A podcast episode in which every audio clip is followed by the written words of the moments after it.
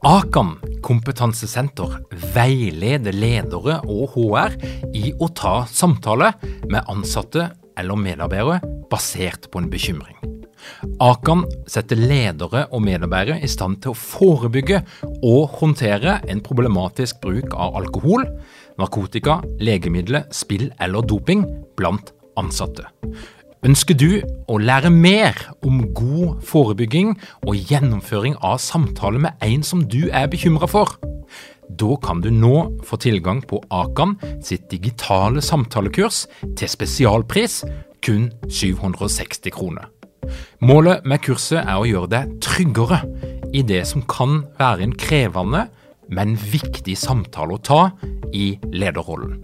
Du får tilgang til kurset med å gå til samtalekurs.no, samtalekurs.no, og bruke kampanjekoden LEDERPODDEN. Tilbudet gjelder ut april.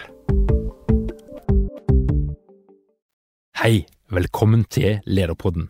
Før vi begynner, så vil jeg gi deg litt reklame. Nå er det bare få uker til vi setter i gang Lederprogrammet 2020. Det er historisk, for det er det første kullet av lederprogrammet som er et heldigitalt tolv ukers lederprogram der du får møtt åtte av landets fremste eksperter på psykologi og ledelse.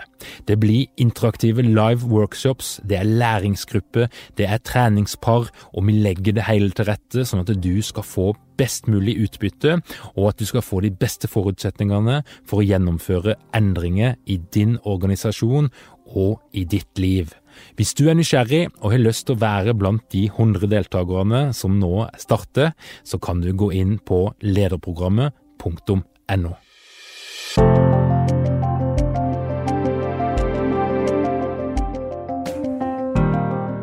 Velkommen til Lederpodden. Mitt navn er Tor Åge Eikerapen. Jeg jobber som organisasjonspsykolog, og dette her er en podkast om ledelse. Konflikter er noe som oppstender på alle arbeidsplasser.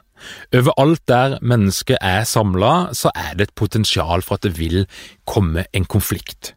Og så kan vi snakke om at noen konflikter kan være konstruktive, de kan bidra til bevegelse, til utvikling, mens andre konflikter kan bli svært destruktive, og av og til så destruktive at det gjenger utover helsa til de som er involvert. Og det kommer sykemeldinger, det forringer arbeidsmiljøet, og det koster mye for organisasjonen å ha den type konflikter som ikke blir løst. Og Dag Nordbø, som er med meg her i dag, han eh, jobber med et eh, mange felt, men, men han er òg en mann som blir ringt til når eh, folk opplever at det er konflikter på arbeidsplassen. Og jeg jobber òg en del med konflikter, og jeg vet at vi har litt ulik inngang. Og, og det er det som er litt tema i dag, og vi skal liksom prøve å, å finne ut av de ulike perspektivene. Men, eh, men, Dag, velkommen til Lederpodden. Takk skal du ha. Fint å være her. Hva er en konflikt? En konflikt kan jo være veldig mange ting. Du har allerede sagt at det fins uh, faktisk uh, konstruktive konflikter. Og jeg er opptatt av at uh, det er utrolig kjedelig dersom eh, det ikke er mulighet for konflikt i et fellesskap. Fordi eh, jeg har jo brukt mye av ungdomstida mi på å lære latin. Og konflikt det betyr jo faktisk eh, Det kommer av kon og fligere. Altså at det er noe Fligere betyr altså å støte. Og kon, ikke sant, det er jo sammen. Det er noe som støter sammen. Og hva er alternativet til at ting ikke støter sammen? Og det er at alt står dønn stille. Det er alternativet. Så det konfliktfrie samfunn, det er dritkjedelig. Bare så det er sagt. så, så, vi må ha mulighet til å støte sammen. Nå skal vi riktignok ha énmetersgrense i disse dager. altså Det er veldig vanskelig å, støte, vanskelig å støtte sammen nå enn før. Men, eh, men jeg er klar over at konflikt først og fremst knytter seg til noe som er negativt. Og, og for meg er konflikt på en arbeidsplass, når vi bruker ordet 'nå har vi en konflikt', da er situasjonen slik at folk, eh, slik jeg tenker om det, nærmest har sluttet å kommunisere på en god måte. De, folk begynner å unngå hverandre, tillegge hverandre, tolke hverandre på ulikt vis, sjekker ikke ut eh, bygger mer og mer opp sin egen oppfatning og forestilling om hva som er situasjonen, mm. uten å bruke mye tid på å sjekke den ut hos andre. Mm. Søke allianser, bygge opp konstellasjoner. Eh, det er jo gjerne på det tidspunktet, når det begynner å skjære seg skikkelig, at man tenker at her må vi kanskje gjøre noe. Og dessverre så er det jo mange som gjør noe altfor seint. Ja. Eh, vi kan godt snakke litt om den positive delen av det å ha konflikter, for jeg er jo helt enig med deg. altså Konstruktive konflikter det er en forutsetning for utvikling, for, for vekst. Mm. Um, og det er jo en kar som heter Patrick Lencioni, som jeg er litt uh, glad i. Han har jo skrevet en bok som heter The Five Dysfunctions of Teams. Og han snakker jo om at i uh, de funksjonelle teamene, altså de som klarer å skape merverdi, så er det noe som kjennetegner de. Men han snakker og skrive aller mest om de dysfunksjonelle timene. Og hvis vi skal begynne bare helt på bunnen av den pyramiden, så mener han at det, det som kjennetegner de dysfunksjonelle timene, de, de timene som ikke fungerer i det hele tatt, eller som ikke gir den her merverdien, nummer én er at de mangler tillit, mm. uh, og nummer to er at de er konfliktsky. De tør ikke å snakke om de tingene som er viktige. De har en slags illusjon av harmoni, men, men det, det, er bare på, på overflaten. For, for det, er, det, er, uenigheter der, og det er brytninger som bør tas opp. Men altså, de her dysfunksjonelle teamene de klarer ikke å håndtere uenighet og konflikt på en god måte, og derfor så lar de det heller være. Og han mener da at det er på en måte Det, det stopper utvikling, og det stopper en organisasjon fra å nå de målene som en skal nå. Og Det er jo interessant da, at det faktisk eh, er slik at det er konfliktskyhet som er en av de viktigste driverne til de store konfliktene i, eh, i arbeidslivet. Så der, det er forsøket på å undertrykke, utsette, overse. Fordi det er ubehagelig å gå inn i det som kunne ha blitt en konstruktiv uenighet og en faglig diskusjon og noe som drev oss fremover.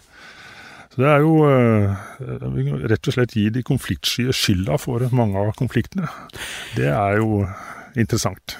Ja, og det er jo dette her med å grave ned i åssen blei det sånn som det blei. Ja. Eh, og, og, sånne som oss, da, som jobber med rådgivning og konsultering, mm. vi blir jo ofte ringt på når konflikter har pågått i årevis og det er blitt veldig stygt. Mm. Det er liksom det siste en gjør, det er å ringe etter hjelp. Ja. Eh, og, og, og, etter å ha gravd i, i, mange konflikter, så er jeg helt enig med deg. Eh, det en ser der det ofte starter, det er jo for eksempel en konfliktsky leder som ikke tør å ta den såkalte vanskelige samtalen, mm. som ikke tør å gå inn og korrigere på et tidlig nivå, mm. men heller la det gå og håpe at ting henger over seg sjøl. Mm. Uh, og dessverre så er det jo i konfliktets natur at de eskalerer.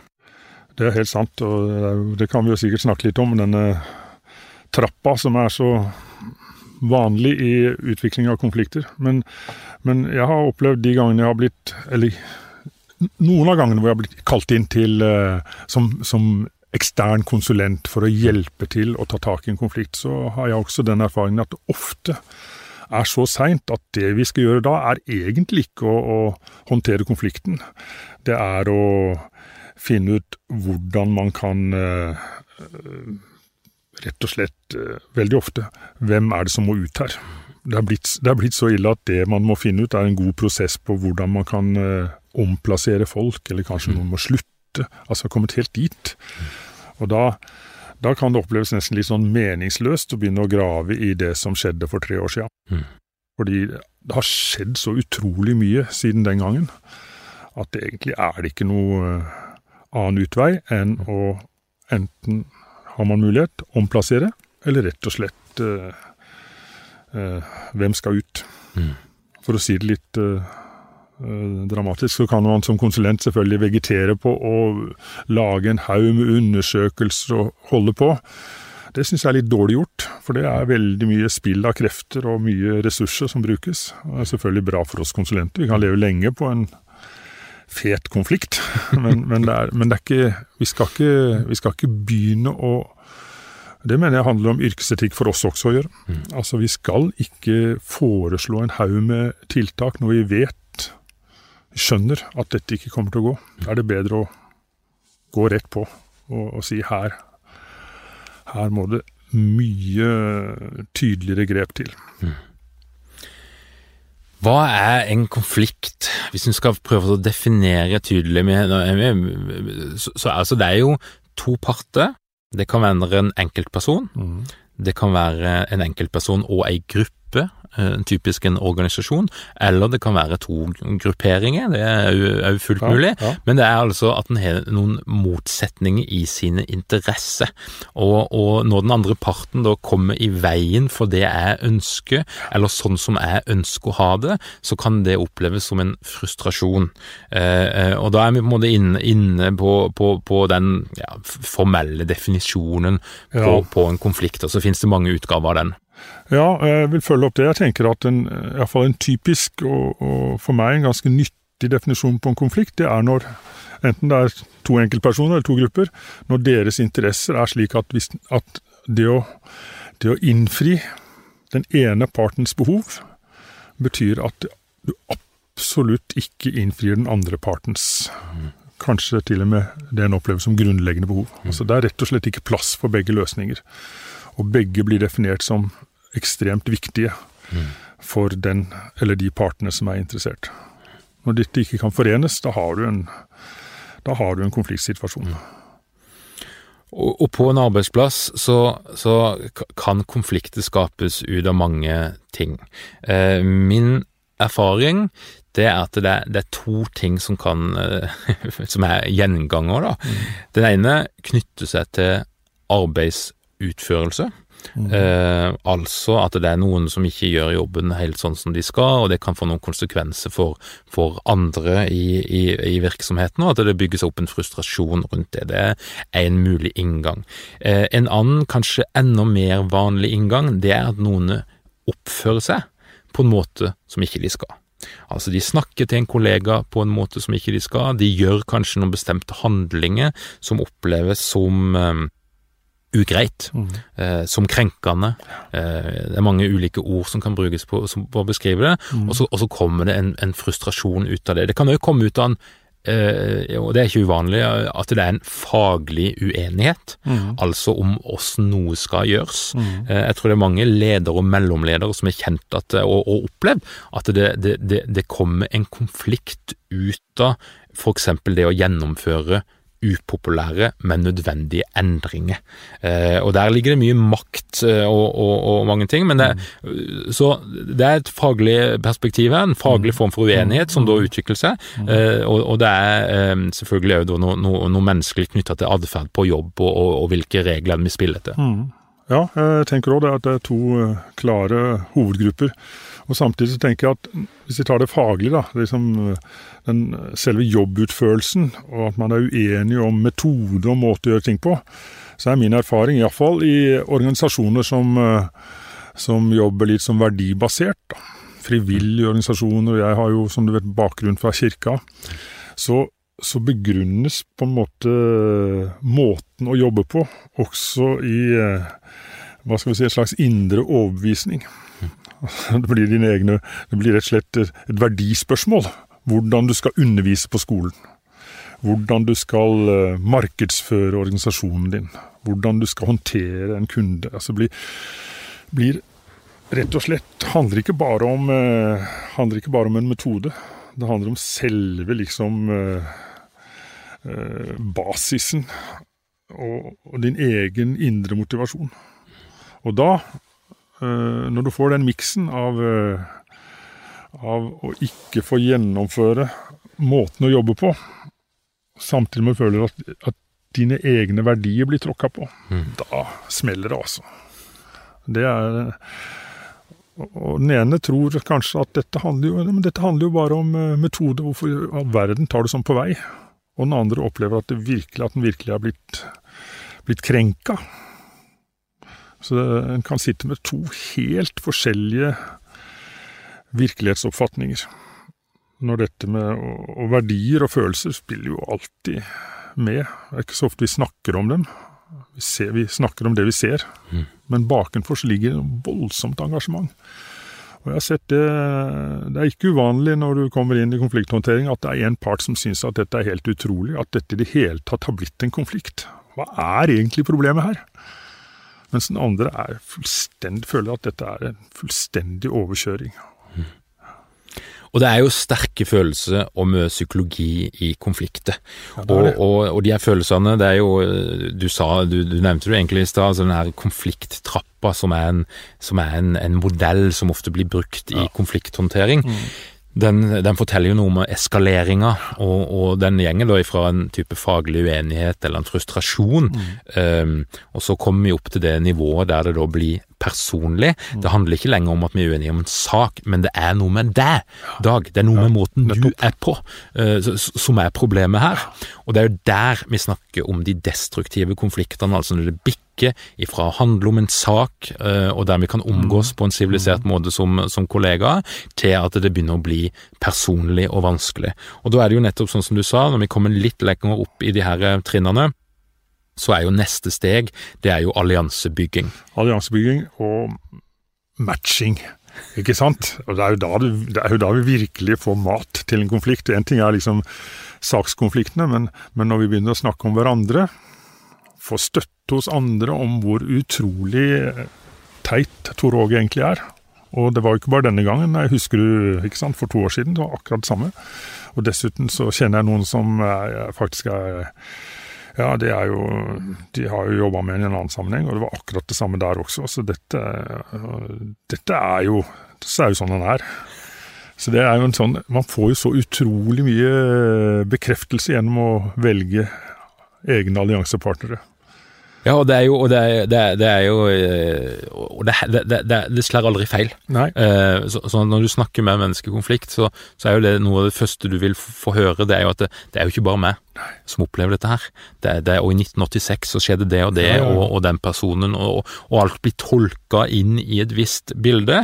Sånn at du, du, du ser tilbake på historien, og så blir den tolka i det lyset. For du, det er jo en sånn bekreftelsesbias, der du har bestemt deg for noe med den andre personen og den, åssen den er, og så, og så leter du for å finne bekreftelse. Og det vil du som regel finne, uansett hvem det er. jeg hørte jo også at han mista kontakten med en en av døtrene sine òg. Altså, Ja. det, det, er jo, det er jo på alle fronter. Det er noe med han. Han, er han er spesiell. Ja. Da, da, har- Da er vi på vei opp trappa. Da er vi på vei opp trappa. Og, vi, og når du da føyer til, eh, i, i den forstand at uh, hvis da du gjør noe mot meg, så er det et signal om at jeg kan gjøre akkurat det samme tilbake. Altså det er matching-greia. Det, det legaliserer det du gjør.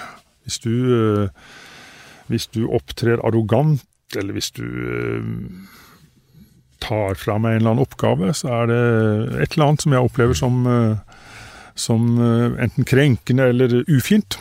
Ja, så er det fritt fram til å gjøre akkurat samme tilbake. Og Den der matching-problematikken er jo også en sånn Vi legaliserer hverandres atferd i en konflikt. Og alle Da- midler er lov. Alle midler er lov, da har du, jo- så kommer du opp til full krig. Og det, det er jo ofte, når de har begynt å matche og begynt å krige ah, igjen, altså at, at konsulentene kalles inn, for da er det blitt så varmt og hett at må, nå, må no, nå må noen ordne opp her. Og det er faktisk ganske dårlig utgangspunkt for å jobbe med konflikter. Og når vi er på toppen der, så er jo da alle midler er tillatt, og det, det som er ikke uvanlig i hvert fall, det er jo at altså, du prøver jo å nedkjempe den andre. Og du har bestemt deg for at den andres intensjon er dårlig eller ond. Eh, Så er det jo det med intensjonen at de er jo usynlige, så vi vet jo egentlig relativt lite om hverandres intensjon, men hvis du først har bestemt deg for det, så blir det nokså selvforsterkende. Og et middel som, som ikke sjelden blir brukt, det er jo å få et stempel på den andre. Og da er vi jo inne på det som vi har snakka litt om før, med, med psykopater, eh, eller noe lignende. Altså at en, altså en, en insinuerer eh, at, at det er et eller annet som er fundamentalt galt. Ja. Og hvis en da bruker psykisk helse og noen av de begrepene som kommer derifra, så er det, ligger det jo utrolig mye makt i det. Det er jo et maktspråk. eh, For idet du putter et sånt stempel på den andre, så, så eh, er det en måte å nøytralisere eller eh, umyndiggjøre den andre på. Vi snakka om hersketeknikk sist jeg var her sammen Ja. med deg, og det, dette er jo en hersketeknikk som er veldig utbredt. Og Det er klart, det er, det er jo deilig òg å kunne bare slå fast at denne personen er umulig. Mm. Uh, det hadde jeg tenkt å spørre deg om òg, som er psykolog. Ofte så bruker man liksom at uh, kjemien bare det, det er, bare stemte ikke. Mm.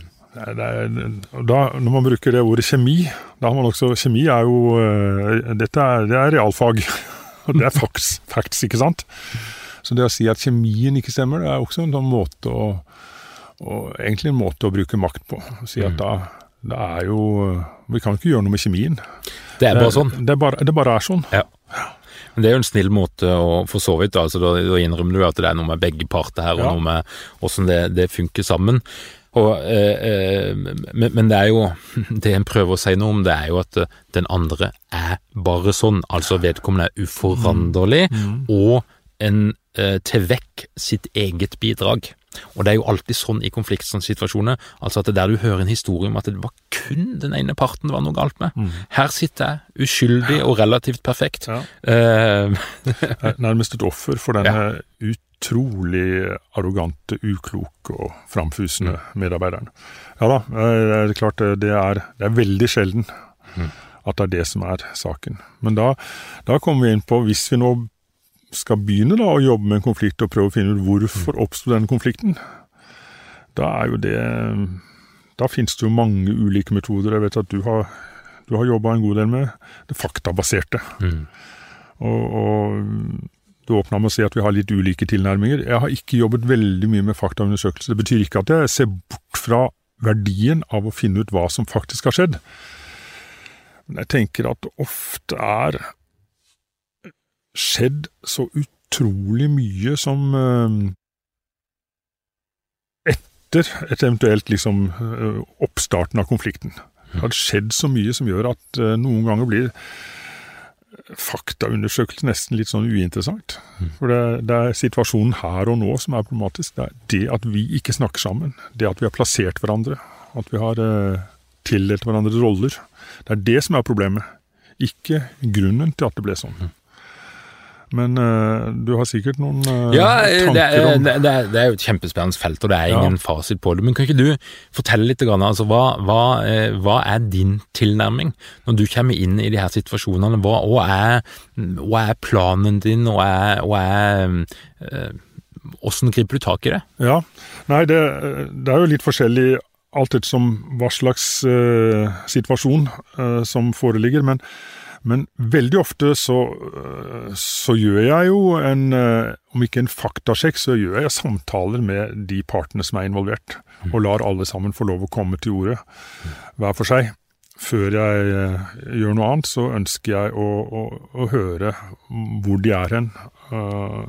virkelighetsoppfatning, opplevelse av egen situasjon. Så jeg bruker faktisk ganske mye tid på å prate med de som er definert som parter i en konflikt. Så kan du si det at eh, når det er gjort, så sitter jeg jo med mange ulike versjoner, og med ofte veldig forskjellige eh, både situasjonsbeskrivelse og ikke minst årsaksforklaringer. Og Så skal ikke jeg sitte som en dommer da og si at ja, nå har jeg hørt, og det er liksom eh, Ut fra det jeg hører, så er det dette som er saken. Da er jo neste skritt å i den Hvis det i det hele tatt er grunnlag for å snakke sammen, så er neste skritt å ha et ha en prosess der uh, partene møter hverandre.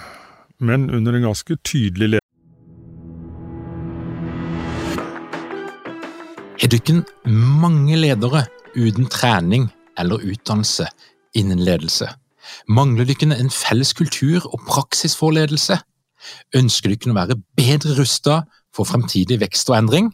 Da kan et internt lederutviklingsprogram være en god investering. I Execu så er vi eksperter på å designe og gjennomføre bedriftsinterne lederutviklingsprogram. Hvis du ønsker å lære mer om hvordan vi kan hjelpe dykken til å få enda bedre ledere, ta og klikk deg inn på execu.no.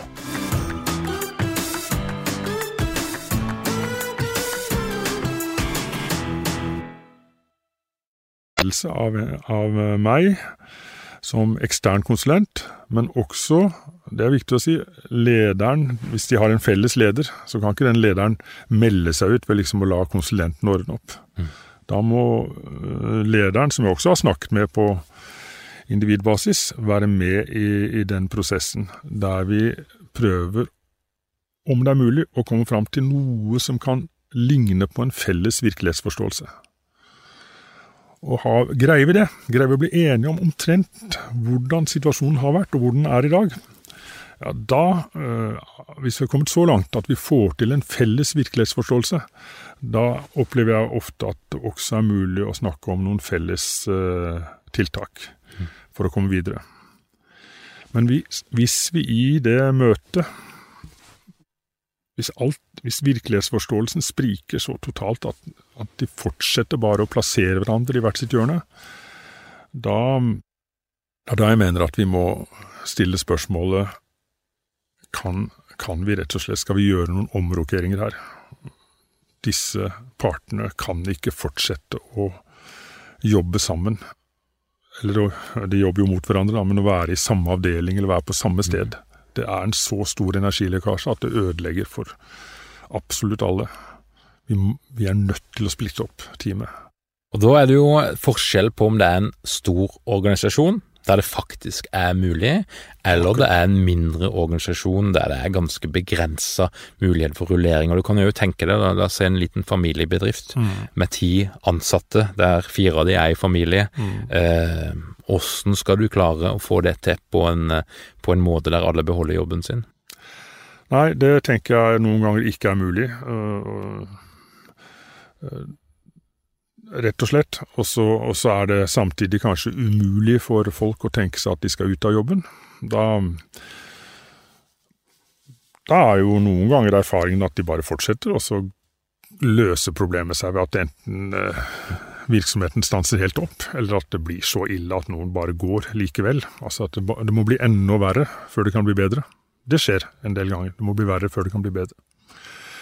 Men eh, i, i, litt større organisasjoner og virksomheter så er det ofte en eller annen form for mulighet til forflytning. Mm. Og så er det klart at de virkelig store bedriftene, de som har økonomiske ressurser og som har muligheter, de, de eh, skal ikke underslå det at en del kjøper seg rett og slett fri. Mm. De lager pakker, og, og, gjør de pakkene så attraktive at noen bare går. Men det er, ikke, det er jo ikke egentlig en konflikthåndtering, eller det er jo en konflikthåndtering, men det, ikke, det løser jo ikke noe annet problem enn at folk bare blir borte, da. Ja, og det kan jo av og til skje på et tidligere tidspunkt òg. Altså, vi snakker om konflikttrappa, så er det jo mm. noen som eh, eh stopper stopper, altså konflikten stopper midt i trappa mm. fordi at en av partene sykemelder seg mm. eh, og ikke kommer tilbake på jobb eh, på, på, lang, lang tid. Så mm. stopper det. Så tilsynelatende er konflikten løst, men den er egentlig ikke det. Nei. Det er bare at en av partene bærer eh, konflikten ja. og, og, gjør det offeret. Mm. Det, det, heter jo lederpodden, dette her. Og lederen, du har allerede sagt det, lederen er jo ekstremt viktig i forhold til både hvordan en konflikt får lov til å utvikle seg, og hvordan den håndteres. Så jeg tenker det viktigste vi gjør i forbindelse med konflikthåndtering, er jo å gi lederne hjelp til allerede, det vi allerede har sagt, gripe fatt i det som er en gryende konflikt veldig tidlig. Da har du mye større handlingsrom når du tør å utfordre, både på atferd og på faglige metoder, mm. i en tidlig fase. Men også hvis, eh, hvis konflikten vokser, at lederen da ikke melder seg ut, men er delaktig, ansvarliggjør partene eh, hele veien og er eh, tilgjengelig for dem, så tenker jeg at det er fryktelig ubehagelig. Det tar masse tid å være leder i en konfliktsituasjon. Men, men jeg tenker det er ikke ikke mulig for en leder å kjøpe seg fri fra det å selv stå som konflikthåndterer. Mm. Uh, selvfølgelig i de tilfellene der konflikten handler om led lederen og en medarbeider, og det er jo ikke så sjelden, så er det litt annerledes. Men mm. når det er konflikter der lederen er en uh, hva skal vi si, en utenforstående part, i den forstand at hun eller han ikke er direkte involvert, så må de være tett på. Det er uh, den viktigste konflikthåndteringen skjer ikke via verken psykologer eller konsulenter, men den skjer hos lederen. Mm. Det er vi enige om. Det er vi helt enige om. og det er jo nettopp det en ser, og det er jo litt trist. For det, en del konflikter kan se ut som at det handler om de personene som er skal vi si, på gulvet, mm. lengst ned i hierarkiet. Det er noe med de to der. Mm. Men når vi begynner å grave i det, så er det eh, relativt ofte mangel på ledelse, utydelig ledelse, feig ledelse, konfliktsky ledelse, mangel på struktur, mangel på avklarte forventninger, mangel på tydeliggjøring av spilleregler, mm. som er grunnen til at konflikter får lov til å utvikle seg. Og, og det, jo, det, som er trist i det, er jo at det, det da egentlig er et spørsmål om, om, ledelse og system, men det er de som er lenger nede i organisasjonen, som må ta konsekvensen og ta støyten. Mm. Ikke sant? Og det, er, og det, kan jo oppleves som ekstremt urettferdig. Og er urettferdig. Mm. Når man er eh, kommet i en utrolig vanskelig situasjon pga. manglende styring, uklare mm. signaler. Mm. Og kanskje også manglende ressurser noen ganger. Mm. Så, man, så, det, så, det, å ansvarliggjøre lederne både på den forebyggende siden av konflikten, men også når det skjer, at de skal være en aktiv part, det tenker jeg er eh, noe av det viktigste vi kan gjøre. Mm. Jeg skal ta en runde innom historisk, den historiske utviklinga når vi snakker om håndtering av konflikter på arbeidsplassen i Norge.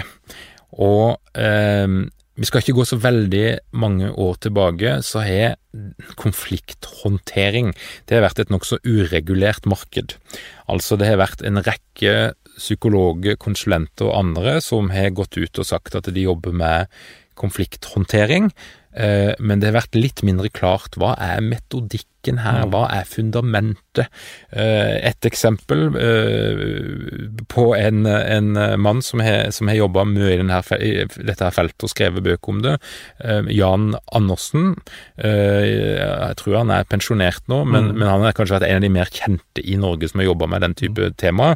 Og han hadde en sånn Det sto på websidene, så det, det er ikke noe hemmelighet.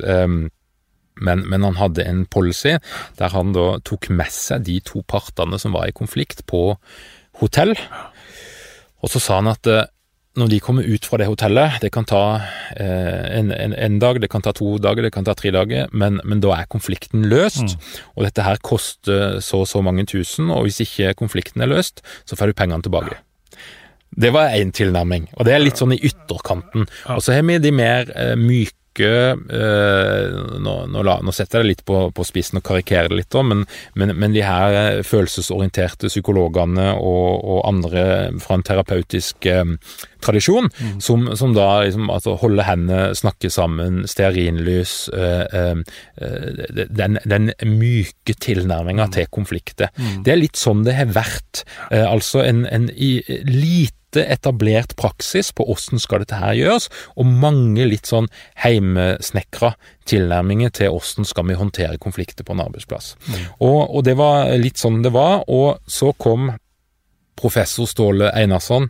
Eh, jeg tror det var begynnelsen av, slutten av 90-tallet, begynnelsen av 2000-tallet så begynte dette her å utvikle seg. Han hadde sett hvordan dette her skjedde i England og begynte da å utvikle og etablere en, en, metodikk, forskningsbasert metodikk for å håndtere konflikter i arbeidslivet. Mm. Og eh, det som han i, i denne metodikken, så, så, er det jo da arbeidsmiljøloven som er egentlig hele utgangspunktet, og det er en blanding av eh, en juridisk tilnærming og litt psykologi. Men det er litt rart at det er, veldig, det er blitt litt psykologers eh, metode, dette her. Men, men eh, det som han var opptatt av, eller er opptatt av den dag i dag, det er jo at konflikter er så alvorlig, det kan få så alvorlige konsekvenser, at vi må ha en, en ryddig og etterrettelig måte å håndtere det på. Og Han etablerte da den metodikken, og han kjører sine kurs og seminarer på Hadeland hotell. Mm. Der har vært, mm. og blitt sertifisert, og det er, det er, en artig opplevelse. Men der har han nå i, i flere år kjørt gjennom Eh, eh, norske eh, ja, Det er jo enkeltpersoner og konsulenter, men veldig mange HR-avdelinger, spesielt fra offentlig sektor, som er blitt kjørt gjennom dette her programmet og sertifisert seg som såkalte faktaundersøkere. Og på denne måten så har jo da faktaundersøkelse etablert seg som en slags norm, en standard, for hvordan konflikter skal håndteres i norsk arbeidsliv, eh, i henhold til arbeidsmiljøloven. Og eh, det som det òg er en del av bildet her, det er jo to sånne historiske utviklingstrekk. Det er jo at for det første så er det blitt en mye mer fokus på det psykososiale arbeidsmiljøet i norske bedrifter. Tidligere så har en vært opptatt av arbeidsmiljø, men det ofte handler om hjelm og vernesko mm. og, og, den slags, og lys og, og ergonomi. Mens det, den psykososiale delen av arbeidsmiljøet har blitt enormt mye viktigere. Og det er jo fordi at vi jobber kanskje mer kontorbasert, vi jobber mindre fysisk, det er mindre mm. maskiner, mm. og da er det den psykososiale delen som blir ekstremt mye mer vektlagt nå enn tidligere. Nummer to eh, av de her utviklingstrekkene, det er jo at arbeidsrettssaker har blitt mye mer vanlig. Eh, tidligere så, så du sjelden det omtalt, mens, mens nå kan du jevnt og trutt lese om arbeidsrettssaker der det er eh, enten på grunn av arbeidstakere som opplever at de har blitt eh, behandla på en dårlig måte, eller at det har vært en, da, en såkalt usaklig oppsigelse. Og når vi da snakker om ting som uh, havner i rettssalen, så vet vi at det er, en ting som gjelder der, og det er dokumentasjon og det er bevis. Eh, og det er nettopp der ofte da faktaundersøkelsen kom inn som den tyngste formen for dokumentasjon på hva er det som har skjedd her, hvis, hvis bakgrunnen er noe som ligner på en konflikt. Og så er det jo det at eh, konfliktordet blir ikke brukt i arbeidsmiljøloven. Nei. Det står ingenting om konflikt der.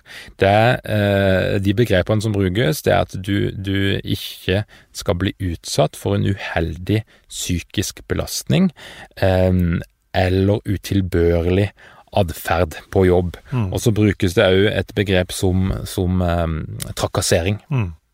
Så det er, det er, de begrepene som brukes der. Og den faktaundersøkelsen, det handler rett og slett om å gå igjennom hva har skjedd lage en tidslinje. Hva gjorde den parten, hva gjorde den parten, og hva gjorde arbeidsgiver? Og Utgangspunktet er jo at hvis det skjer noe kritikkverdig på en arbeidsplass, så skal, så har ledelsen i henhold til arbeidsmiljøloven en undersøkelsesplikt. Så hvis du som leder får hørt om noe som ikke er bra, noe som kan høres ut som noe som ikke skal skje på arbeidsplassen, så er du ansvar for å undersøke det og finne ut er dette her noe kritikkverdig eller er det ikke. Mm. Og Hvis du finner ut at det er noe kritikkverdig, det er noe som ikke skal, skal foregå, enten noe som er knyttet seg til atferd eller andre ting, så, eh, så må du gjøre noe med det. Du har en handlingsplikt. Og Det som, er, som jeg tykker er veldig verdifullt i denne faktaundersøkelsesmetodikken, det er jo kontradiksjonsretten. Eh, som blir ivaretatt. Altså at hvis du som arbeidstaker blir anklaga for noe, hvis en kollega kommer og sier at du har gjort det eller det, ja, men så har du denne helt grunnleggende rettigheten mm. til å, å eh, komme med et motsvar og fortelle. Altså, du, det kan ikke være en lukka prosess. Så i, Sånn sett så har ikke du som arbeidstaker, du kan ikke komme til sjefen din og, og pøse på med masse anklager om en kollega, og så si men, men, men det må bli mellom oss. Mm. Det kan du egentlig ikke gjøre, eh, hvis vi skal jobbe på denne måten. Det, og det er helt klart at det er jo helt avgjørende at uh, tunge uh, hva skal vi si, tunge konflikter, eller krenkelser, trakassering, utilbørlig atferd, mm. hva nå det skulle handle om. Alt fra uh, krangel om uh, måter å gjøre ting på, eller at man unnlater å gjøre jobben sin, til, til mer sånn uh, krenkende atferd. Det kan være seksuell trakassering, det kan være mange ting som skaper helt uholdbare situasjoner på en arbeidsplass. Må tas på alvor, og det må være varslingssystemer, det må være orden på det. og Jeg syns eh, Ståle Einarsson har gitt et utrolig bra bidrag til å fange opp og, og, og systematisere det arbeidet. Så når jeg sier eh, at jeg kan være kritisk til faktaundersøkelser, er det jo fordi jeg mener at det er utrolig mange konflikter. Det vi kaller konflikter. Eller la oss kalle det energilekkasjer. Ting som skaper Altså at, gjør at ting stopper opp på en arbeidsplass. Som ikke er lovbrudd, mm. og som ikke fanges opp av verken arbeidsmiljølov eller andre, andre paragrafer vi måtte ha, men som like fullt skaper en uholdbar situasjon. Mm. Så det er, det er viktig å vite forskjellen her. Eh, for eh, som jeg allerede har sagt, det er ganske mange uh, uholdbare situasjoner, hvis vi kan kalle det det. Uh, og, og, brudd på kommunikasjon og samarbeid som ikke kan uh, fanges opp gjennom en faktaundersøkelse. Det er, Så det er, det, er, det er, på en måte en, en litt annen et annet regime da, som må til da. Men eh, Så egentlig er det jo plass i høyeste grad bruk for begge tilnærmingene. Ja, og, og det, i, i, faktaundersøkelsen så har det nok forskjøvet seg litt, for det, det begrepet da, psykisk belastning, mm. eh, det har nok vært litt vagt, men, men, det begynner jo å danne seg en slags presedens for hva det er for noe. Og veldig mye av det, de kommunikasjon, altså de psykologiske elementene da, i, mm. i, det å oppføre seg på en ugrei måte eller bryte noen normer, mm. eh, blir nok i større og større grad fanga opp av det begrepet.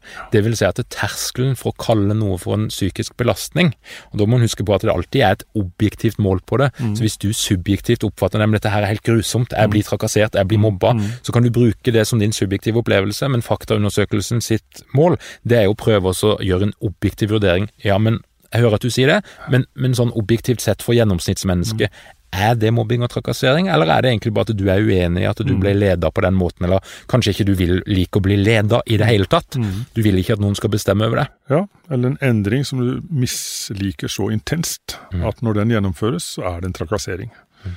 Selv om endringen har en helt legal grunn, og en mm. rasjonell grunn. Men, men eh, Dag, eh, hva skal vi si egentlig da om, om hva er det viktigste ledere gjør for å forebygge og håndtere konflikter? Jeg tenker Det viktigste er for det første å bli kjent med seg sjøl. Hva er min Hvor har jeg mitt mot?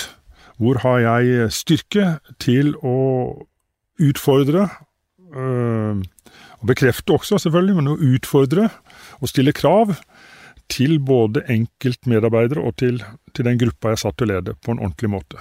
Mm. Tør jeg å Tør jeg å være tydelig? Tør jeg å peke med hele hånda? Tør jeg å si fra når jeg ser at ting er i ferd med å utvikle seg på en måte som skaper skurr? Det, det, det, må, det må en kjenne litt etter, altså. For har du sagt ja til en lederjobb, så har du egentlig sagt ja til også å gjøre de litt tøffe og ubehagelige oppgavene. Og det, det handler faktisk om, eh, også om personlige egenskaper. Det handler litt om kultur òg. Altså, hvor kommer du fra? Og hvis du kommer fra en kultur der det er eh, der det viktigste er egentlig å ha det greit og hyggelig, så, så, må du på en måte ta litt oppgjør med det som leder. Jeg mener ikke at vi skal ha arrogante ledere, og ikke autoritære, men vi skal ha ledere som leder med autoritet og med tydelighet. Mm. Det, vi tuller jo litt med at på Sørlandet, vi sitter jo på Sørlandet, og det, uh, her er liksom kulturen at man skal ha det greit og hyggelig. ikke sant? Det er jo mange slogan på det. altså. Har du en sørlending til venn, så har du en venn for livet, har du en sørlending til uvenn, så vet du ikke om det. ikke sant? Det er liksom, uh, Man sier ikke fra før det virkelig smeller. Jeg ble så forbanna at jeg holdt på å si det til han. Alt dette er jo velkjente og kanskje forslitte vitser om sørlendinger, men det er noe i det. Poenget er at det handler jo ikke bare om Sørlandet. Det handler faktisk om dypt menneskelige ting som uh, en kan oppleve overalt i, i landet.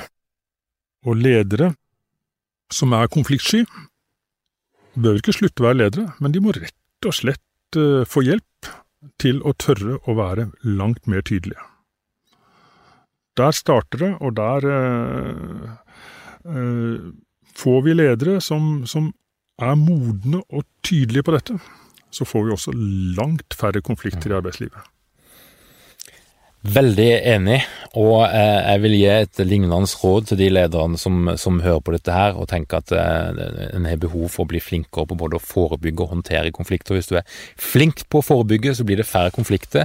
Og det er to ting. For det første så må en lære seg å gjennomføre krevende samtaler. Lære seg å gi tilbakemeldinger.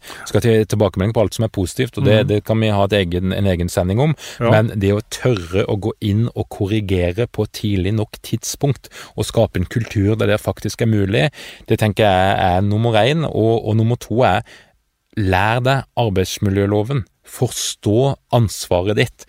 Du har ansvar for å undersøke, du har ansvar for å gjøre noe, um, og du må forstå forskjellen på et, det gode arbeidsmiljøet og når det gjenger over i å bli destruktiv, og da, og da, må du ta grep. Og som leder så er det du som sitter med det øverste ansvaret. Du har ansvar for internkontroll, du har ansvar for å både styre og gi omsorg, mm. og, og, det å forstå òg den juridiske delen av det, tror jeg er helt nødvendig i 2020.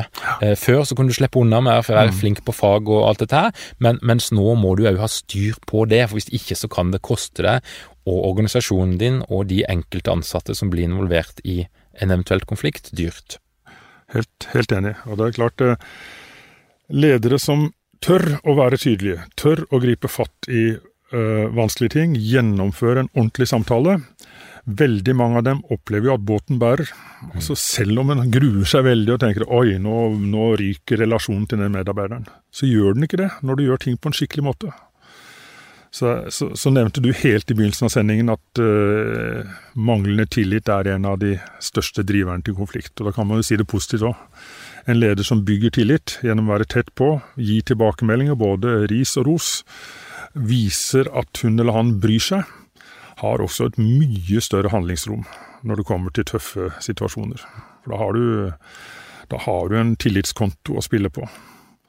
Og Da er det jo det er gamle ordtaket når du sier det, når du sier det, ja, så må det være noe i det. Hvis en tenker sånn om lederen sin, da er du på rett sted. Da kan en leder si ganske mye, også om det som er vanskelig. Så, så den tillitsbyggingen knytta til eh, til ledelse og tilbakemelding og kommunikasjon med medarbeiderne, den er helt grunnleggende. Dag Nordbø, tusen takk for at du kom til Lederpodden. Fint å være her. Du har nå hørt på Lederpodden. Lederpodden presenteres av Lederprogrammet, et tolv ukers digitalt lederprogram som starter i august. Det er kun plass til 100 deltakere. Programmet er i ferd med å fylles opp. Hvis du er nysgjerrig, ta en kikk på lederprogrammet.no.